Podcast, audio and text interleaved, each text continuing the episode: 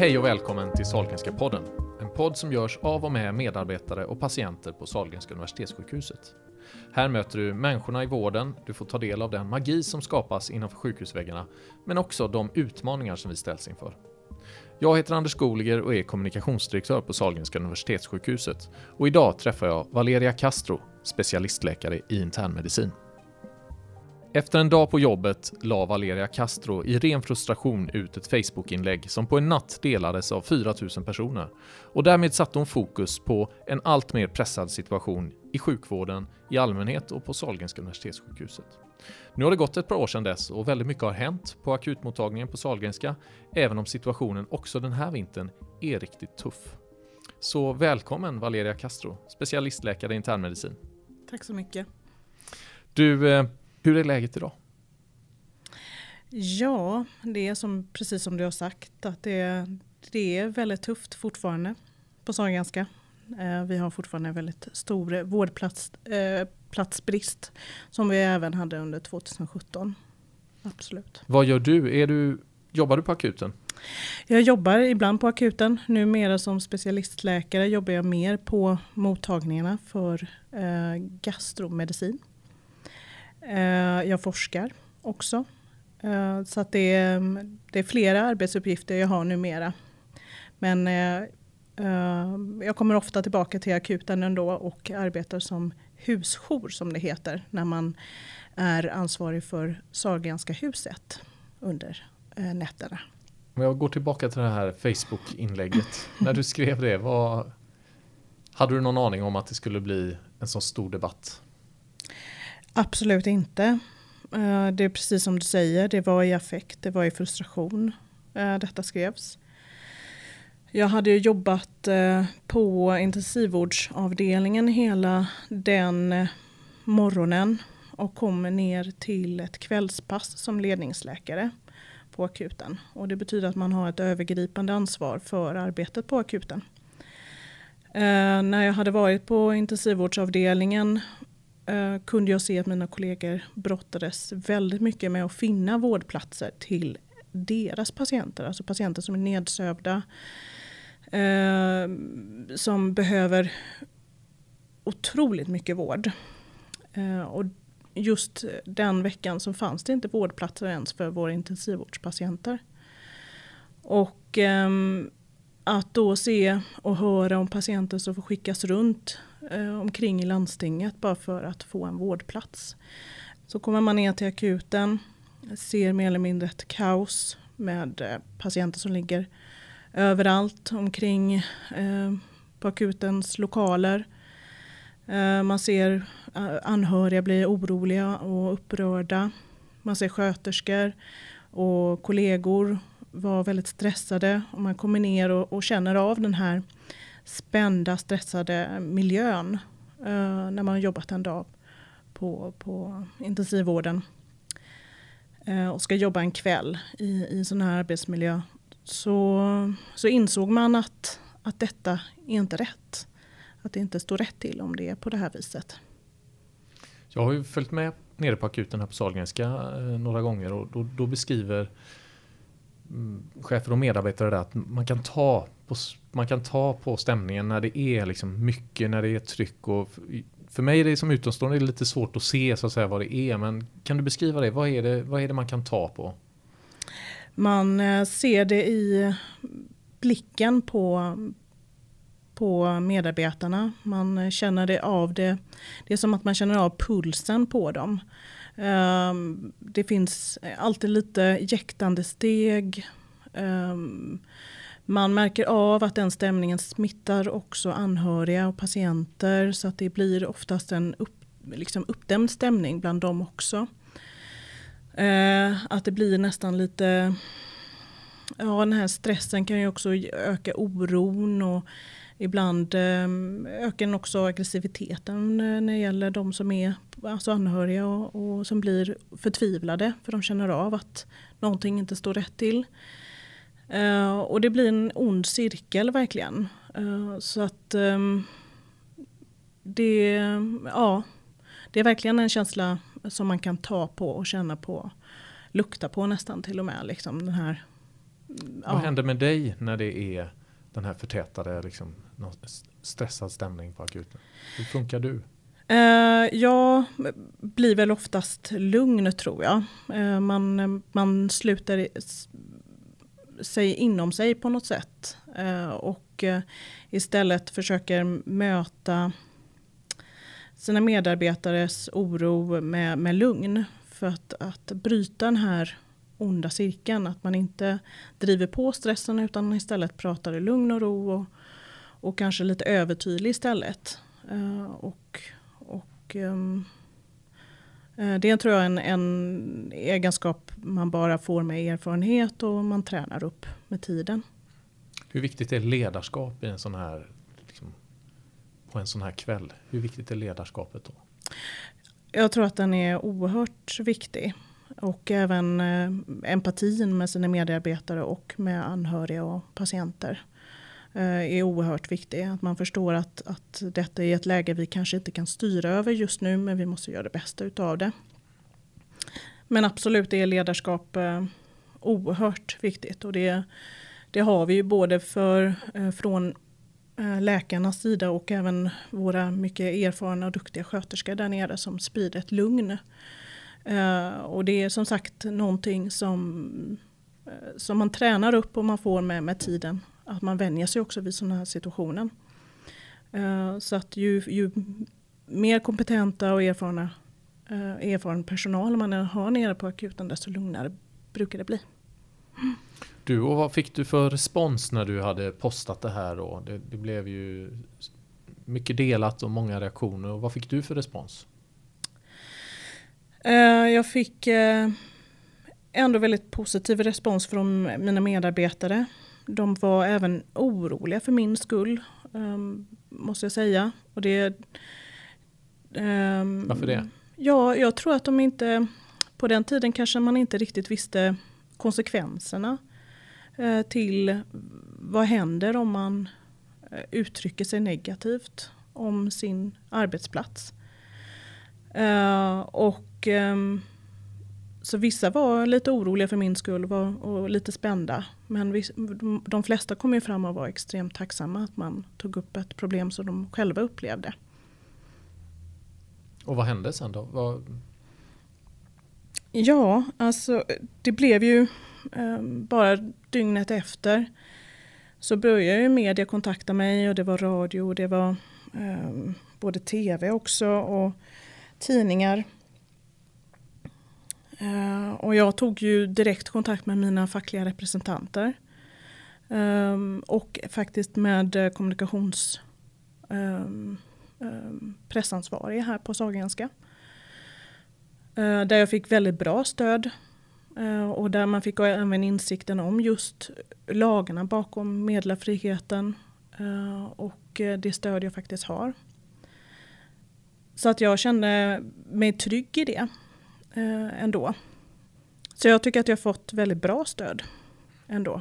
Både medarbetare och, och eh, chefer när det gäller detta.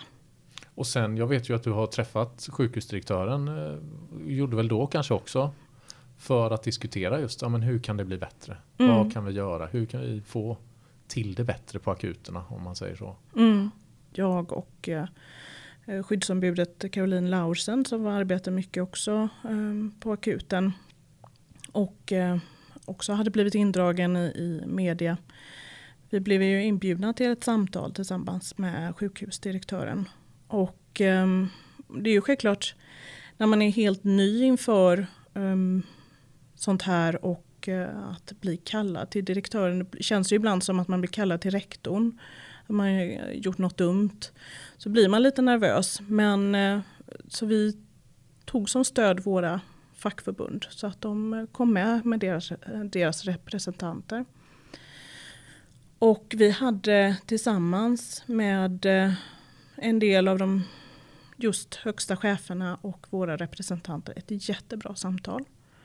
Där eh, sjukhusdirektören Ann-Marie hon var ju jätteintresserad i våra eh, åsikter och upplevelser. Och, och eh, eh, så vi hade ett riktigt bra möte tycker jag. Och det var första gången jag personligen hade träffat henne. Eh, och det var väldigt bra att få ett ansikte eh, och hon följde med oss till och med på akuten. Alltså, jobbade ett pass med oss, med mig och Caroline. Eh, så det var, jag tyckte i det stora hela var det väldigt positivt. Och sen gjordes väl också en hel del insatser för att liksom göra flödet på akuten bättre. Alltså att färre patienter ska bli liggande kvar. Man ska kunna få upp till relevant vårdavdelning och så vidare. Så det blev, och vi vet ju också att väntetiderna, ledtiderna som det kallas på akuten, har faktiskt gått åt rätt håll sedan dess egentligen. Eh, så berätta lite, vad var det som blev bättre? Eh, det var ju ett enormt arbete från ehm, um, våra extremt duktiga eh, chefer nere på akuten skulle jag säga. Det, och medarbetarna. Att dessutom inse att ehm, man kan inte ha en vårdavdelning, alltså ha patienter liggandes på akuten. Den insikten tror jag um, gjorde den stora förändringen. Att man uh, helt enkelt måste se till att patienterna ligger på en vårdavdelning. Tyvärr är ju akuten den plats, den flaskhals uh, där har man problem med uh, vare sig det är primärvård eller vårdplatsbrist så hamnar akuten alltid i kläm. Um, och det, det, är svårt att, att lösa akutens problem utan att lösa de andra uh, instanserna. Men akuten har gjort ett otroligt arbete med att, att försöka förbättra rutinerna.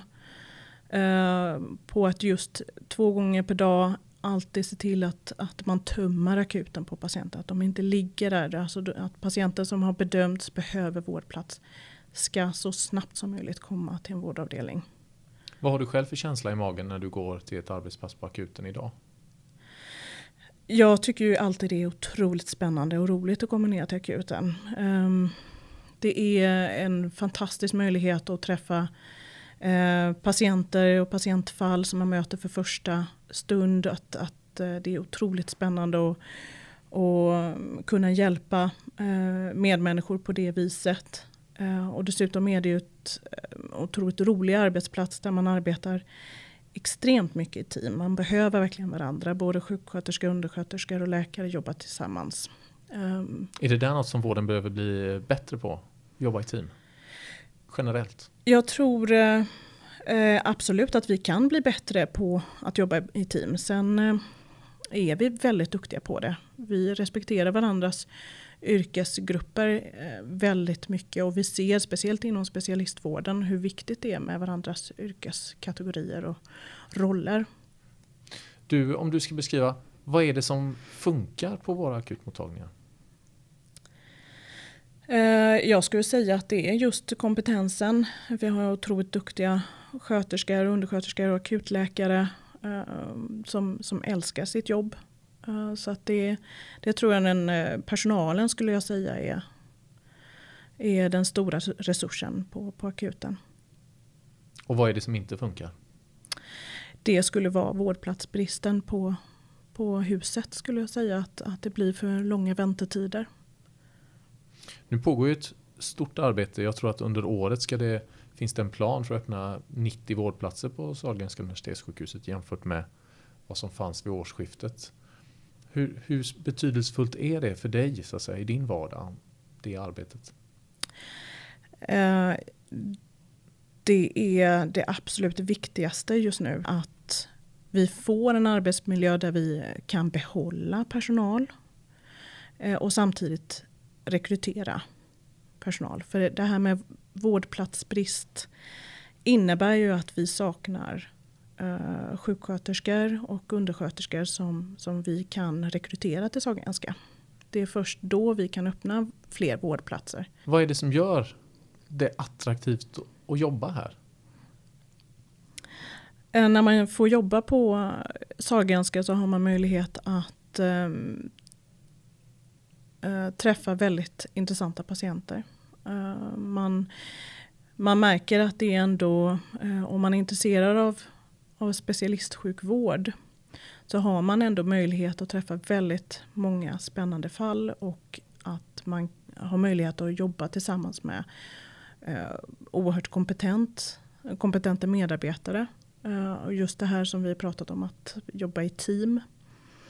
Eh, gör det väldigt dynamiskt och trevligt och spännande att jobba på Sahlgrenska.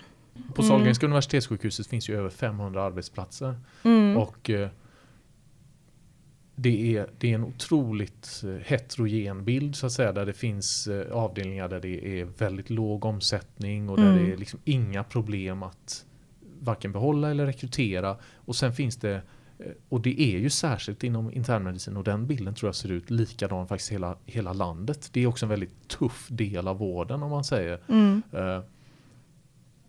Där man ser att det är hög omsättning och precis där du beskriver verksamhetsbärare är så himla viktigt. De här Mm. som har varit med och sett mycket. Det är en, jätte, en nyckelgrupp verkligen. Mm. Så hur ska man få dem att vilja stanna och att det blir utveckling, att man kan finnas kvar i de här miljöerna? Vad är det som lockar dig att vara kvar? Mig lockade ju just eh, patienterna, att de jag har möjlighet att jobba med här eh, är lockande. Och um, att um, mina medarbetare där jag känner att jag har kan alltid fråga mer kompetenta, mer erfarna eh, överläkare om fall som, som jag känner mig eh, osäker på. Att jag har en, ett team med sköterskor som jag kan arbeta tillsammans med omkring en patient. Att det finns möjlighet att eh, förbättra vården, att det finns möjlighet att, att mm, starta projekt, eh, att det finns möjlighet att forska eh, för att fördjupa sig och, och, och även då leda sjukvården framåt. Hur känner du dina möjligheter är till det som du är inne på här? Utveckling och att liksom kunna lite grann ta kommando över sin situation och påverka sitt arbete. Det, ju- det vet man ju från forskning är ju oerhört Mm. viktigt. Hur, är- hur är möjligheterna till det tycker du?